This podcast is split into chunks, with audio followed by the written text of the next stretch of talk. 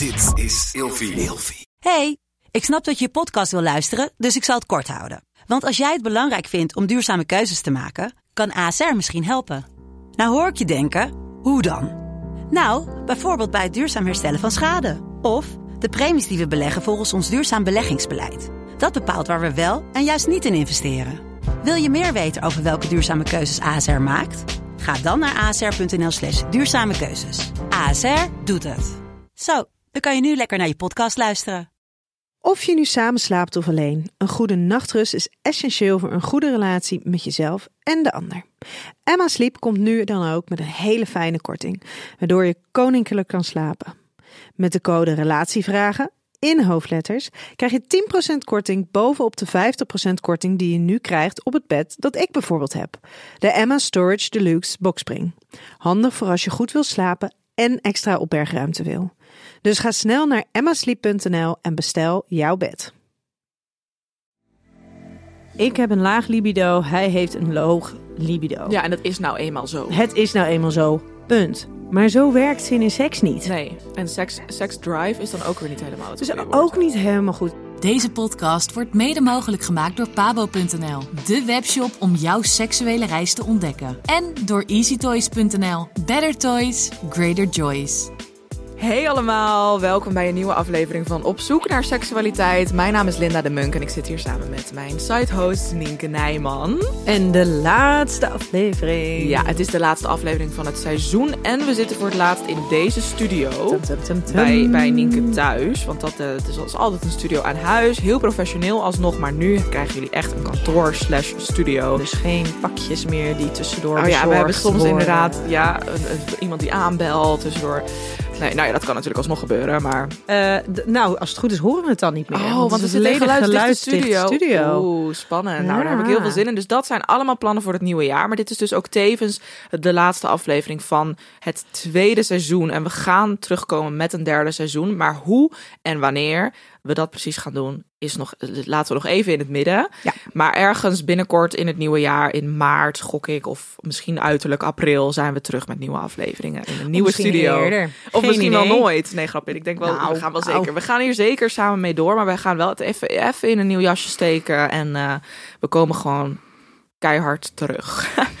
en deze laatste aflevering gaan we het hebben over seks en weinig zin. Mhm. En ik denk dat dit een onderwerp is wat ik, waar ik het eigenlijk ook al heel lang over wil hebben. Wat vaak ook wel terugkomt als we het hebben over eh, seks en in context van relaties. Merk ik dat geen zin hebben in seks vaak een, een ding is. Wat, wat, wat, ja, wat ik ook vaak hoor van volgers of eh, waar ik zelf wel eens mee struggle.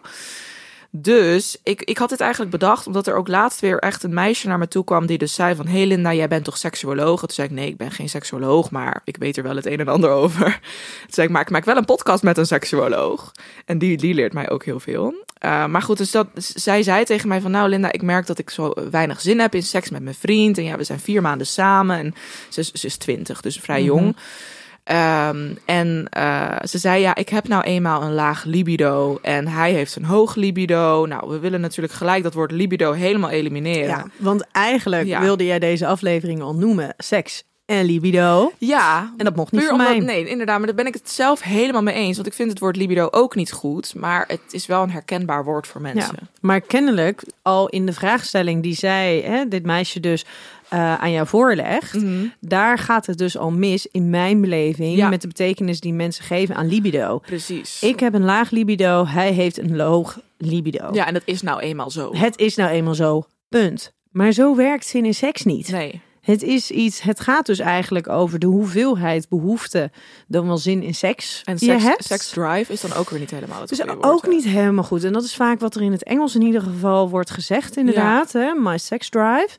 Maar ehm, de zin en behoefte naar, naar seks is zo verdomde eh, afhankelijk van de context waar je in zit. Van Ja. het moment, hoe jij in je vel zit, met wie je bent, wordt te voorzien in wat jij nodig hebt. Mhm. Dat is niet iets wat vaststaat. Nee. Het ene moment kan je er heel veel zin in hebben en heel veel behoefte aan Ja. hebben.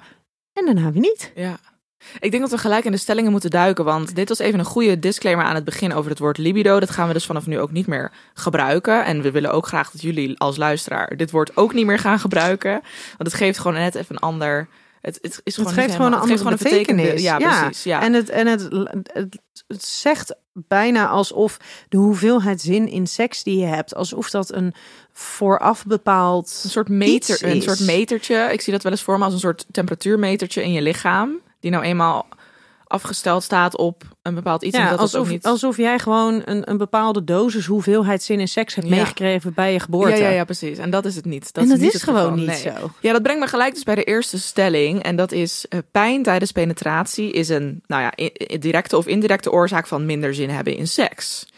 En ik had daar zelf nog eigenlijk bij bedacht, want jij had het over, dat was jouw stelling die je had bedacht. En ik had daarbij bedacht van nou, de orgasmekloof kan een indirecte of directe oorzaak zijn van minder zin in seks. Ja, maar het zijn wel echt twee volledig Totaal verschillende, verschillende dingen, Dus laten inderdaad. we die inderdaad twee totaal verschillende dingen houden. Ja, Eh, nou ja, ik had de stelling bedacht, dus wat denk jij? Ja, inderdaad. Dus over pijn. Nou, oh, dit sluit goed aan op mijn verhaal dat ik net vertelde over dat meisje. Want ehm, pijn bij penetratie, ja, ik geloof zeker dan dat als je pijn hebt tijdens de seks, eh, dat dat ervoor zorgt dat je de volgende keer, als je seks gaat hebben, die dat nog in je hoofd hebt, dat je misschien van tevoren al bang bent dat het pijn gaat doen, waardoor je weer pijn gaat hebben. En dat, is een- dat je in een soort visuele cirkel belandt. Ja, en dan is het nog even los, want daar gaan we hier nu even niet op in. Mm. Los wat de reden van de pijn is. Ja, ja, inderdaad. Maar het is heel simpel. Ja. Waarom zou je zin hebben in iets wat jou pijn oplevert? Ja. En dan hebben we het niet zoals in twee afleveringen geleden over de gekozen pijn, De over de lekkere pijn. Ja.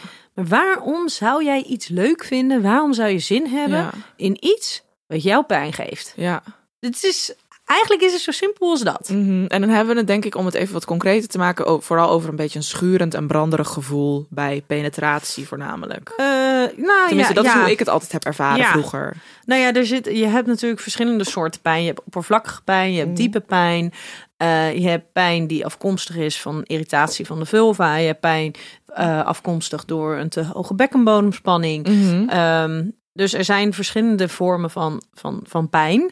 Ehm, maar wat voor pijn het ook is, op het moment dat je dan inderdaad denkt van hé, hey, we gaan seks hebben, of er Mhm. is een aanleiding, een, een, een situatie, een context waarvan je denkt, ja, we gaan seks hebben, ja, dan is het heel logisch dat je daar dus helemaal geen zin in hebt, want die pijn is voor jou Ja. voornamelijk hetgene wat jij, nou ja, wat jij, waar je aan Wat je- denkt. en wat je tegenhoudt voor en wat jou waarschijnlijk een soort van blokkeert, of in ieder geval dat je niet goed kan ontspannen of het niet nat wordt. Nou ja, en, en dat je, weet je, als je kijkt naar wat eh, opwinding, zin in seks, daar is Mhm. een stukje ontspanning voor nodig. Ja. Daar is het, het, het los durven laten van, van angsten en remmingen. Mhm. En als er iets is wat funest is, is voor, voor opwinding, zowel mentale als een fysieke opwinding, ja, dan is het wel de angst voor pijn. Ja. Want angst voor pijn, daar de, de- sowieso als er angst is, daar reageert je lijf op met spanning. ja, of stress. Maar Gewoon dat is pijn überhaupt ook. Ja, alle vormen van stress eigenlijk. Ja, dus als jij daar dan al op gaat anticiperen, ja, dan geef je eigenlijk die opwinding niet eens een, een echte kans. Nee, en ook al denk je bijvoorbeeld aanvankelijk van, hey, word je bijvoorbeeld een beetje overvallen door een gevoel van opwinding. Mhm. Veel van, van de mensen die pijn ervaren bij seks, die gaan dan al zo snel naar dat mechanisme toe van, oh jee, pijn, Mhm. dat die opwinding gelijk weg hebt. En ik moet ook gelijk denken trouwens aan dat jij altijd zegt dat je hersenen je belangrijkste seksorgaan zijn. Dat is hierbij helemaal eh, aan de orde, toch? Ja, volledig. Want dit is puur eh, iets in je hoofd misschien eigenlijk. Dit is niet omdat je lichaam kapot is of zo. Nee, en het lastige daarbij is, is dat ehm, eh, je, hersenen, dat is je belangrijkste seksorgaan. Met je Mhm. lijf is het grootste. Ja. En lijf en hoofd in de meest gewenste situaties werken het lekker samen. Maar meestal is dan er heb je discrepantie. hele precies. Maar Ja. in de meestal, als je, als je echt lekkere seks wil hebben, waarvan je echt die hebt, nou, ik zit er helemaal in, Ja, ja, ja. werken lijf en hoofd samen. Ja. Maar wat je, wat je nog, nogal eens ziet, best wel vaak ziet, en eigenlijk daarin best wel vaak bij vrouwen ziet, is dat ze niet altijd op elkaar zijn. Inderdaad. afgestemd. En bij mannen zie je dat veel meer. Maar ik denk dat een perfect voorbeeld een ochtendboner is. Waarbij je dus ook merkt dat een lij- het lijf wel een soort van aan is voor seks, maar het hoofd helemaal Nee. niet. Oh, Toch?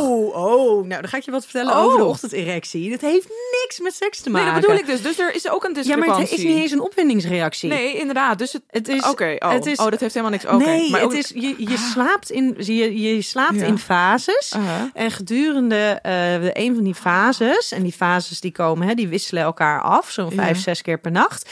En met gedurende, rem- ja, precies, dingen, met ja. remslaap. En ehm, op een zeker, zeg maar, gedurende die, die, die fases, is er een bepaald gedeelte in je hersenen is ontspannen. En Ja. dat is het moment waarin Dat je er dus een erectie- krijgt. Maar dat Ja. heeft niks met seks te maken. En dat maakt dus ook dat de meeste mannen dus, eh, hè, mits de doorbloeding goed is en mits er een goede slaap is, Mhm. goede nachtrust is, dat die vijf, zes keer per nacht een erectie hebben. Ja, ja, ja, dus dat is niet eens een fysieke opwindingsreactie. Maar dan is een ander voorbeeld, eh, dat is wat een, een heftiger voorbeeld, wat, wat ik ook wel heb gehoord, is bijvoorbeeld bij eh, aanranding of verkrachting, Ja. dat een vrouw dus bijvoorbeeld wel nat wordt, terwijl Ja. haar hoofd natuurlijk totaal geen zin daarin heeft Nee. en dat niet wil. en dat maar dat je lichaam dus wel, eh, nou ja, toch lichamelijke opwinding wil ik het dan niet noemen, maar wel dat je lich- lichaam zich erop voorbereidt. En dan hebben we het inderdaad wel over een fysieke opwindingsreactie. Ja. En dat is dus je lijf die reageert dan dus wel met inderdaad het vochtig worden. Net zo goed als Ja. dat mannen een erectie kunnen ook krijgen. bij verkrachting of ook bij verkrachting. En dat is vaak heel misleidend, omdat je dan denkt, Ja. shit, heb ik er dan toch wel van genoten? Heb ik dan wel aanleiding gegeven? Is het een reactie geweest op mijn lichamelijke Mm. opwindingsreactie? Maar daar heeft het niks mee te maken. Dat Oké, heeft wow, te want maken een ochtenderectie- met adrenaline Ah, ja. en allerlei dat soort Want- stofjes. Oké, Ehm, want ik wist wel dat een ochtenderectie echt niks, niks, te maken heeft met is. seks heeft. Maar dan Ja. alsnog zag ik dat wel als een soort... Nou, Oké, dus dat betekent inderdaad dat je lichaam en je hoofd soms wel gescheiden kunnen zijn als het gaat om seksuele Ja, opwinding. maar dat zie je vooral heel erg in, die, nou ja, in, de, in de grensoverschrijdende situaties. Ja, ja. Maar waar het wel een heel mooi voorbeeld voor is, voor die ochtenderecties, is dat een man dus wakker kan worden met een ochtenderectie die niks met seks te maken Maar heeft. dan alsnog daar... En dan in één keer hem ziet Ja, en dan denkt, oh en ja. denkt, oké. Ja? En vervolgens daarmee kan gaan Ja. handelen. En dan heel snel die connectie kan maken Ja. tussen, hé, hey, mijn lijf die doet iets. Nou, laat ik daar maar in mijn hoofd mee meegaan. Precies. Want het is prima. Ja, ja, ja. En ik denk dat het dat ik ik heb wel- ik heb dus gelezen in het boek Kom als jezelf van Emily Nagoski over dit fenomeen en dat het inderdaad bij vrouwen net wat anders werkt dan bij mannen. Dat die discrepantie, zeg maar, hoe, hoe zeg je een makkelijker woord voor discrepantie? Ja, gewoon het verschil. Het Ja. verschil, ja, want zij gebruikte echt het woord discrepantie. Eh, dat dat het verschil bij vrouwen gewoon groter is. En wat ik daar ook in heb gelezen, wat ik, ik vind dat echt een aanrader. Het is het eerste boek wat ik las over seksualiteit. En dat gaat dus over die remmen en die gaspedalen Mhm. op gebied van je hoeveelheid Ja, zin in seks. stimulerende en remmende factoren. Precies. En dat is dus, daar kom, ik denk dat we daar straks nog wel even op terugkomen. Mhm. Want eh, nou ja, ik had- noemde net ook even iets over die orgasmekloof. Maar die laten we nu maar even helemaal achterwege. Want dat is toch even een totaal andere. Maar ander pijn kan absoluut een reden zijn voor minder zin in seks. Simpelweg. logisch. Waarom zou je zin hebben Ja. in iets wat pijn doet? Het liefst zouden we dan eigenlijk willen gaan naar die oorzaken van pijn. Van hoe kan het nou dat dat dus gebeurt? Want je zit in een soort cirkel en je blijft. Maar dat is nu te Ja, daar gaan we nu, nu, nu doen. Nee, maar ik denk wel dat dit zeker iets is om het eh, even vaker over te hebben. Want ik weet gewoon dat heel veel mensen hiermee Ja. struggelen. En in de regel, pijn, eh, seks hoort pijnvrij te zijn. Inderdaad, ja, het is niet normaal dat je. Het is niet zo van, nou, ik heb nou eenmaal pijn en dat is nou eenmaal zo. Nee, er zijn echt wel oplossingen niet. voor. En dat begint denk ik bij een stukje bewustwording überhaupt. En het durven aangeven en het over hebben. Maar goed, even een volgende stelling, want dat sluit je wel op aan. Eh, geen zin hebben is heel normaal. Ja. En dat ehm, heeft, ik wilde bijna zeggen, eh, geen, eh, een, een, een andere stelling zou ook zijn, pijn hebben is heel normaal. Maar dat is dus niet het geval wat we net zeggen. Maar geen zin hebben is dus wel prima normaal. Ook al Hartstikke. is jouw partner jou aan het opgeilen of opwinden. En als je dan alsnog geen zin hebt, dan is dat heel normaal. Ik, Ja. ik heb het gevoel dat dit zo'n groot onderwerp is op een of andere manier. Dat ik er zoveel over wil zeggen en dat er zoveel dingen door mijn hoofd schieten. Dat ik echt denk, oh, ik moet even focussen en één, één, één punt kiezen, zeg maar. Nee, maar geen zin hebben is heel normaal. Ja, En weinig zin hebben is ook heel normaal. ja want ik, heb dus, ik merk dus nu dat ik op een punt ben in mijn relatie dat ik eigenlijk weinig zin heb. Of in ieder geval veel minder dan ik ben gewend. En dat vind ik soms zo confronterend. Dat ik denk, huh, maar ik was toch altijd zo'n seksueel persoon. En ik had zoveel seks. En voor mij kon het niet vaak genoeg. Mhm. En dan ben ik soms een beetje in de war hoe dat dan kan. Dat, Mhm. dat, dat ik dan nu, dat ik mezelf dus nu eerder zou omschrijven als iemand die maar, weinig zin heeft of het minder Maar wat- belangrijk vindt. Of Wat is weinig, weinig zin in ja, wat is weinig zin inderdaad. Weet ik je, heb dat het is gevoel natuurlijk, dat één keer één, één of twee keer in de twee of twee weken dat dat weinig is. Ja, maar we hangen het natuurlijk allemaal. Ja. Als je het hebt over weinig zin, dan heb je dus kennelijk een norm Ja, voor wat een normale hoeveelheid Ja, voor seks mijn hoofd is. draait hier soms echt overuren over. En En, en dat is denk ik iets waar, waar we sowieso van af moeten. Het is heel vervelend als er dus, hè, dan gaan we het woord weer gebruiken, dat er een discrepantie is tussen jou en je partner in de hoeveelheid behoefte die ja, er is want dat moet seks. ook maar net matchen. Ehm, ja, maar er, is, er gaat altijd een discrepantie zijn. Een discrepantie in Ja. mate van intensiteit binnen de vrijpartij. Het soort Mhm. seks waar je, waar, je, waar je zin in hebt. ehm, de hoeveelheid, het moment. eh, er gaat altijd een verschil in zijn. Ja. En als jij het dus inderdaad vergelijkt met de periode hiervoor, ja, dat is dus geen, geen goed referentiekader. Nee, nee, totaal niet. Want en, en, seks was toen onwijs belangrijk ja. voor jou. Ja. Je, hè, dat was natuurlijk ook echt een beetje jouw ding. Dus daarin was je aan het experimenteren. Er was heel veel gelegenheid. Er waren heel veel nieuwe prikkels. ja. Dat deed jou allemaal goed. Daardoor voelde je een onwijs seksueel wezen. En vervolgens kom je in een relatie. En dan is het begin is inderdaad nog allemaal spannend en nieuw en nieuwsgierig. En laten we dit ontdekken. En ik ben hartstikke verliefd. En hey, hoe werkt het allemaal? Vervolgens ga je samenwonen. ja. Komt corona. Ja, joh, niet normaal. Is jouw mentale Ja. gezondheid, nou, dat is niet helemaal op en top best geweest. Nee. Qua werk heb je veel minder uitdaging gehad. Ehm, je relatie kent veel minder uitdagingen en prikkels en dat soort dingen. En dit is zo interessant wat jij nu allemaal opnoemt. En het heeft dus niks te maken met mijn relatie zelf. nee, Dus- dit is gewoon jij als persoon. Ja, dat is zo interessant. Want ik denk dat heel veel mensen geneigd zijn om te denken van... oh nee, shit, er zit nu wat mis. Ja, en, ik, en ik denk dat soms ook, maar ik heb wel gelukkig geleerd om dat niet meer te denken. Maar je seksualiteit is van jou, Ja, die is inderdaad. niet van je partner. Ja, nee, dat is waar. Die Maar- zet jij zelf. Ja, Hè, what do you do to turn yourself off? And what Mhm. do you do to turn yourself on? ja, En op dit moment, als je kijkt alleen al dus naar het afgelopen anderhalf jaar, dat is ongeveer de tijd dat jullie ook samenwonen. ja Ongeveer twee jaar. Nu al twee jaar Ja. samen, ja. Eh, weet je, zijn er een heleboel dingen geweest waarin jij jezelf uitzet. ja. En dat Onbewust zijn onbewust, Ja, 100%. dat is Het zijn niet bizar, alleen maar Ja. dingen. Maar als je dan kijkt naar wat doe je nou om jezelf aan te zetten. Mhm. Ja, eh, voor je relatie of aan het begin van de relatie waren dat een heleboel dingen. Ja, dat is ook zo. En dat, die, die zijn er nu dus gewoon niet meer zo. Mm. Dus als je het dan hebt over, ja, er is minder zin in seks, minder behoefte. Ja, huh? Ja. Wauw, ik vind het mooi dat je dit zo goed uitlegt, want ik weet het inmiddels zelf wel, maar ik denk dat ik ook een mooi voorbeeld kan zijn voor heel veel andere mensen die nu luisteren. En dat het erg, nou ja, misschien nou, gewoon fijn is om te horen dat, eh, dat ze ook weten dat ze niet de enige zijn. En ik vind het ook, want ik realiseer me soms ook, ik weet ook heus wel dat ik niet de enige ben en dat jij dit nu zo uitlegt, laat het lijken alsof het gewoon heel erg logisch en normaal is. Dus dat vind ik ook altijd heel erg fijn. Ehm, en eh, dat, dat, we hebben ook namelijk hier een stelling over. In lange relaties is er, op ten duur, is er op den duur altijd sprake van minder zin.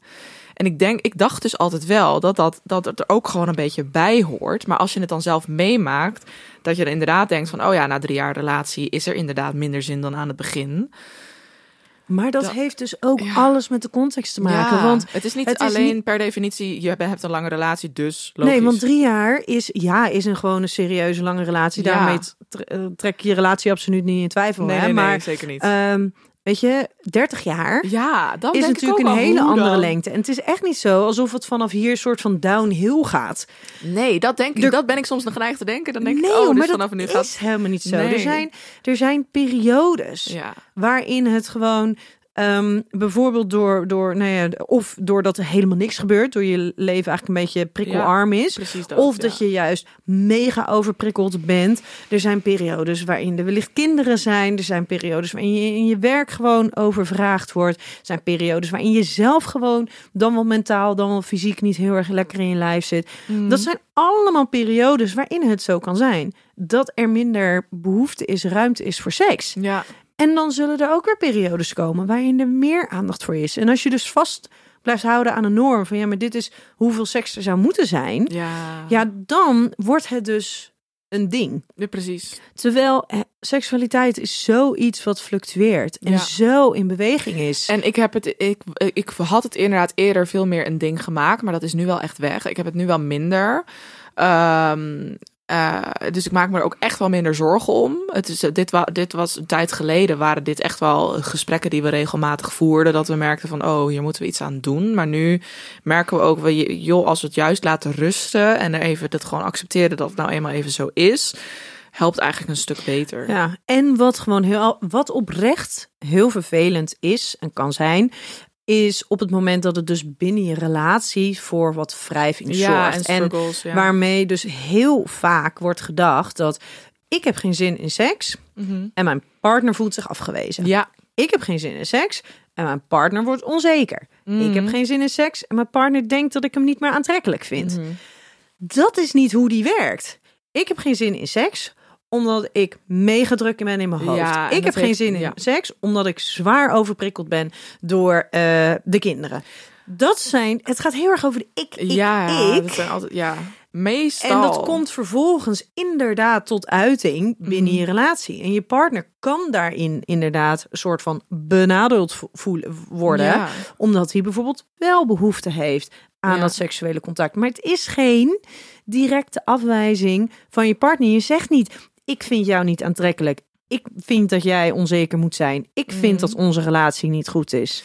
Maar ik weet wel dat er ook situaties kunnen zijn, en dat is bij ons dan nog niet het geval, nog niet zeg ik, maar ik denk gewoon niet het geval, dat oh, kan, je kan ook minder zin hebben omdat je je partner misschien op die manier niet meer aantrekkelijk vindt, toch? Dat kan, maar dan ga je kijken naar een ander ding. Want Ja. ehm, als je het hebt over je partner niet meer aantrekkelijk vinden. Of dat er gewoon een stukje verlangen mist. Want ik merk ook bijvoorbeeld wel dat, natuurlijk verlangen is er wel, maar dat echte intense geil, geile gevoel wat je aan het begin had, Ja, maar daar heb je ben dus ik soms wel fantasieën ba- voor. ja, dat is waar. want- Maar daar ben ik soms wel eens bang voor dat ik dan denk, oh nee, dat gaan we samen nooit meer voelen. Nee, maar dat, dat is dus ook niet zo. Het Hmm. is niet zo dat je dat dus nooit meer gaat voelen. Nee.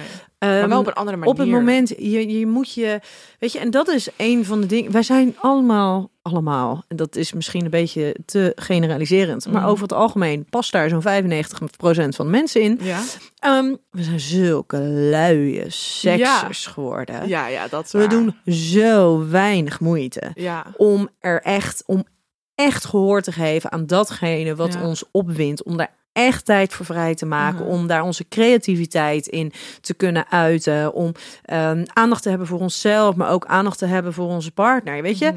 We zijn gewoon luie seksers geworden met z'n allen.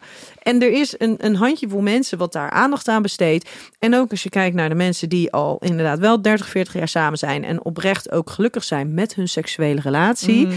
Daarvan zie je dat zij dus ook gewoon op een hele bewuste manier aandacht blijven besteden aan die seks. Ja, Dat gaat niet vanzelf. nee, nee, nee. En ik hoor jou net een ding zeggen over ja, maar seks was altijd zo belangrijk voor mij. Ja, De frequentie waarin je seks hebt of de eh, frequentie waar je daar behoefte naar hebt, zegt niks over hoe belangrijk je seks vindt. nee, eigenlijk niet hè. Ik vind seks inderdaad eigenlijk gewoon heel belangrijk. Ja, Eigenlijk vind ik dat ja.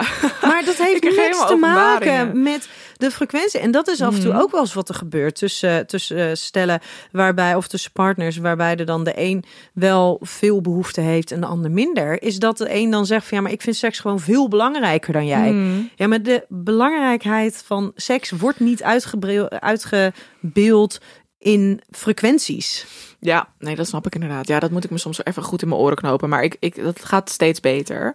Ehm, ik, ik heb nog, nog, Excuses nog een... voor dit relatie. Nee, ja, ik vind het super, want je, ge- je dropt gewoon even die statements. En ik vind het super goed, want, want dit is gewoon het punt wat ik ook vaak probeer duidelijk te maken. Wat, nou, wat precies wat jij nu gewoon eh, zegt. En dat brengt me op het volgende, want ehm, ik heb nog een stelling over... eh, je, kan, je kan invloed hebben op je hoeveelheid zin in seks. En dat, dat brengt me denk ik een beetje bij die, rem, eh, die remmen en gaspedalen. Want kan je echt bewust soort van gaan proberen van... Hè, ik, stel je realiseert dat bij jezelf van ik heb minder zin of weet ik veel. Kan je dan echt zeggen, ik ga er nu voor zorgen dat ik in de toekomst meer zin ga hebben of zo. Want ik bedoel, zoiets als zin maken is natuurlijk niet echt ja, helemaal toch fijne... Ja, het kan, maar wat, hoe dan? Hoe dan? kan dat? Nou, stel jij je eens voor, hè? even kijken over dat zin, zin maken. Ja, Stel, eh, jij eh, hebt aanvankelijk niet zo heel zin. Maar jouw vriend die heeft dat wel. En jij zegt tegen hem, weet je wat... Ehm, er zijn op dit moment eigenlijk geen redenen waarom ik zou zeggen: eh, nee, ik wil niet. Mhm. Maar ik voel niet dat ik echt heel Die- veel zin die, eh, heb. Die ultieme opwinding, die, dat Nee, vuur zeker niet. in je. Nee. Ja. Eh, nou ja, zelfs al een klein beetje opwinding Ja. Mhm. voel je niet. Maar jij geeft hem wel de kans om jou lekker te masseren. Ja, dat om jouw dingen, lijf te strelen. En jij merkt, hey, mijn hoofd wordt rustiger. Ik Mhm. kan zijn aanrakingen voelen. hey, ik merk dat mijn lijf een beetje begint te reageren.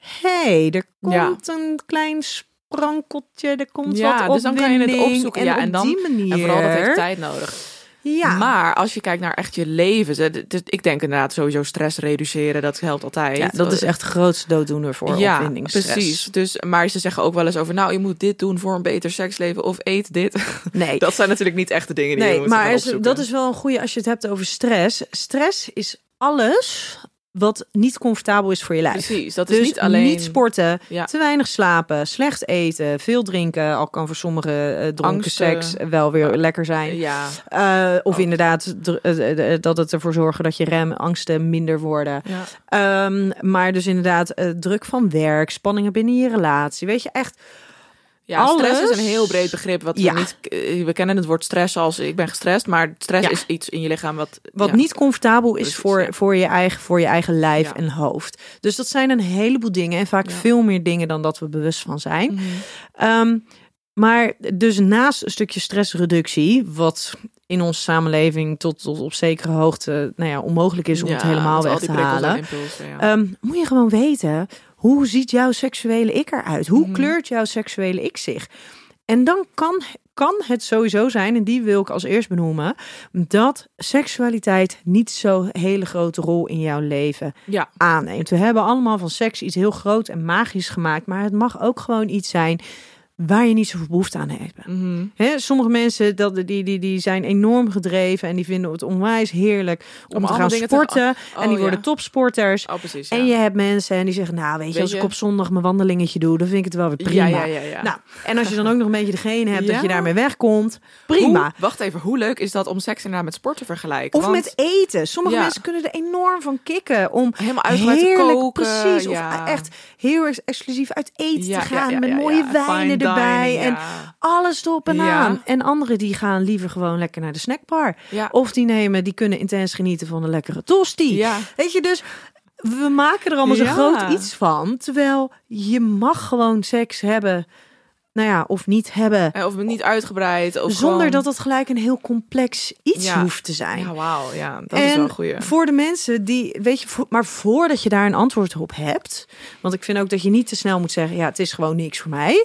Ehm, denk ik dat je het jezelf wel moet gunnen Mhm. om gewoon oprecht eens te kijken naar, hey, hoe kleurt mijn seksualiteit zich? En inderdaad, Emily Nagoski, die omschrijft dat heel mooi met, met de remmende factoren Ja. en, en, en het gaspedaal. Maar, dus Maar dat voorbeeld daarvan, zoals een rem, is kan bijvoorbeeld een interne of een externe. Kan bijvoorbeeld zijn de angst om zwanger te raken of de angst voor een SOA. Dat kan ook al Ja. zijn dat je daardoor minder zin hebt, omdat je daarmee in je hoofd zit. Precies. Of, Of als eh, gaspedaal. als je bijvoorbeeld uit een religieus gezin komt, Oh ja, dat daar dus allemaal boodschappen gaan over seks is slecht, seks hoort alleen maar in een huwelijk, seks is om te dienen, Mhm. dat soort dingen. En als gaspedalen kunnen, ja, wat, is, wat zijn daar nog voorbeelden Gaspedalen, van? oh heel simpel. Eh, bijvoorbeeld massages. ja, eh, iets wat je aan kan zetten. Eigenlijk zijn gaspedalen, want ik, de remmende vind ik altijd een heel mooi woord. Gaspedaal, daar ben ik niet zo heel erg van Nee. gecharmeerd. Dus ik heb het meer over stimulerende oh, factoren. stimuleren. Ja, stimuleren, die stimulanten, ja. Maar hè, ehm, we zijn eigenlijk altijd heel erg karig in het gebruik van dat belangrijkste seksorgaan Mhm. eh, als we seks hebben. Ja, Dus als je het hebt over stimulerende factoren, ja, wat stimuleert dat belangrijkste seksorgaan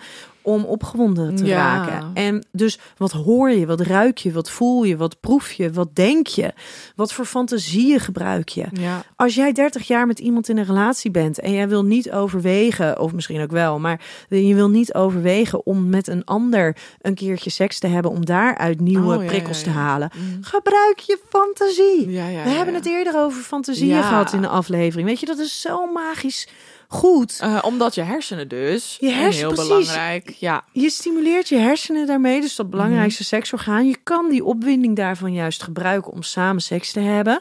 Maar ehm, ga, ga oprecht eens een keer op onderzoek uit. En dat is niet iets wat je binnen een dag Mhm. doet. Dat, dat, dat gebeurt een leven lang. Ehm, maar wat heb jij nodig om opgewonden te raken? Wat voor beelden, wat voor Ja, geluiden, en ook al is dat voor iets heel gedachtes? simpels als inderdaad even lekker ontspannen in bad of weet ik veel. Ja, Uh, maar een erotische ja. massage, een, een, een speeltje, eh, je partner in een bepaalde outfit. Weet je, het, het kan van alles zijn. Gewoon even lekker tongen. Bijvoorbeeld. Want daar de tijd voor nemen, vind ik ook echt. Dat kan iedereen, denk ik, even de tijd nemen om te tongen. Ik denk dat heel veel mensen dat echt bij laten zitten en dat gewoon niet Ja, doen. maar bijvoorbeeld zoiets kan echt een enorme stimulerende Ja. eh, prikkeling zijn om dat systeem aan te zetten. Precies. En dan vooral ook zonder eh, pressure. Want ik denk dat heel veel meiden ook, eh, tenminste dat merk ik bij jonge meiden om me heen, vaak al de pressure voelen van, oh, we liggen te tongen en nu moet ik straks weer. Nee, want En je dat- mag, er is niks zo lekker om gewoon Ja. te mogen zeggen: "Oh, dit was fijn. Ja, het was, Dit was lekker, en goed. We Ja, houden hem hierbij. precies. Want juist die druk gaat ook niet, eh, dat gaat niet goed. eh. Nou ja, en, we zijn, en we zijn daarbij zo erg geneigd om aandacht te hebben en bekend te zijn met alles wat ons remt. Ja. En dat te voelen. Weet je, we voelen heel snel van ja, maar ik heb hier geen zin in, of ik ben te moe, of ik ben te druk in mijn hoofd. Mhm. En dat is waar we aan vasthouden. Dus Ja. die kennen we vaak heel goed. Mhm. Maar datgene wat ons juist wel prikkelt, ja, daar komen we heel vaak niet eens aan toe. Nee, omdat we dat dan toch een soort van niet toelaten of zo. Ja, niet aan toelaten, niet de tijd voor Nee. nemen, eh, het minder belangrijk eh, vinden of er een soort van genoeg, er wel last van hebben Mhm. dat we bijvoorbeeld geen of weinig zin in seks hebben, Ja. maar dan ook weer niet belangrijk genoeg vinden om, Om te iets- kijken, hé, hey, Ja. maar hoe zit dat Ja, dan? ja, precies. Ja. Nou, heel goed. Ja, ik, eh, ik zou zeggen, we ronden hem af. Ja, er is één Oh. ding die moet Ja? ik nog benoemen. Oké, oké. Absoluut, want ehm, als je weinig zin in seks hebt, Aha. eh, of periodes geen zin in seks hebt, betekent niet dat je aseksueel bent. Nee, oh nee, nee. Oké, heel goed dat je dat zegt. Oh. En ook nog even over pijn tijdens de seks. Dat betekent ook niet dat je vaginisme hebt. Nee, Ik denk oh, dat dat ook zeker niet. is om te benoemen. Zeker want niet. ik, ik heb wel eens mensen daarmee rond horen gooien van... Ik, Ja. denk, ik, ik denk dat ik vaginisme heb, want ik heb altijd pijn. Ja, maar, dat, is, niet- absoluut niet helemaal, hetzelfde, nee. hoeft absoluut niet zo te zijn. Nee. Sterker nog, ik denk dat het vaker niet zo is dan dat het wel zo is. Ja, En dus inderdaad, seksu aseksualiteit gaat echt eigenlijk bij de meeste mensen die dat ervaren, is dat al vanaf jongs af aan, vanaf de puberteit al aan, Ja. gewoon dat, dat hele concept van, van seksueel aangetrokken voelen, die opwinding voelen naar een ander toe, dat dat er niet is. Dat is iets heel anders ja. dan vijf, zes jaar in een huwelijk zitten, relatie zitten en, meer merken, ik heb Ja, geen dat zin meer in Oké, seks. nou, heel goed dat je dat nog even benoemt. Ik denk dat dit een heel mooi onderwerp was. Laat ons vooral even weten of je je hierin herkent. Of je nog toevoegingen of aanvullingen hebt. Zorg dat je ons even volgt op Spotify. En een review achterlaat op Apple Podcast. Mhm. Dan, je kan eh, nu ook op Spotify eh, ranken. Echt waar? Ja, Is dat nieuw? Als je de hele aflevering hebt Oh, geluisterd. Wat super. Nou, laat ons dan vooral dat even weten. Want ik heb het gevoel dat de meeste mensen op Spotify luisteren. En dan was dit voor nu even de laatste aflevering van het seizoen. Maar we zijn er binnenkort weer. In de nieuwe studio. In de nieuwe studio met een nieuw conceptje. Helemaal Dus eh, zorg, nou, zorg dus daarom dat je volgt. Want dan zie je het weer verschijnen. Ja. Oké. Doei. Hey, doei.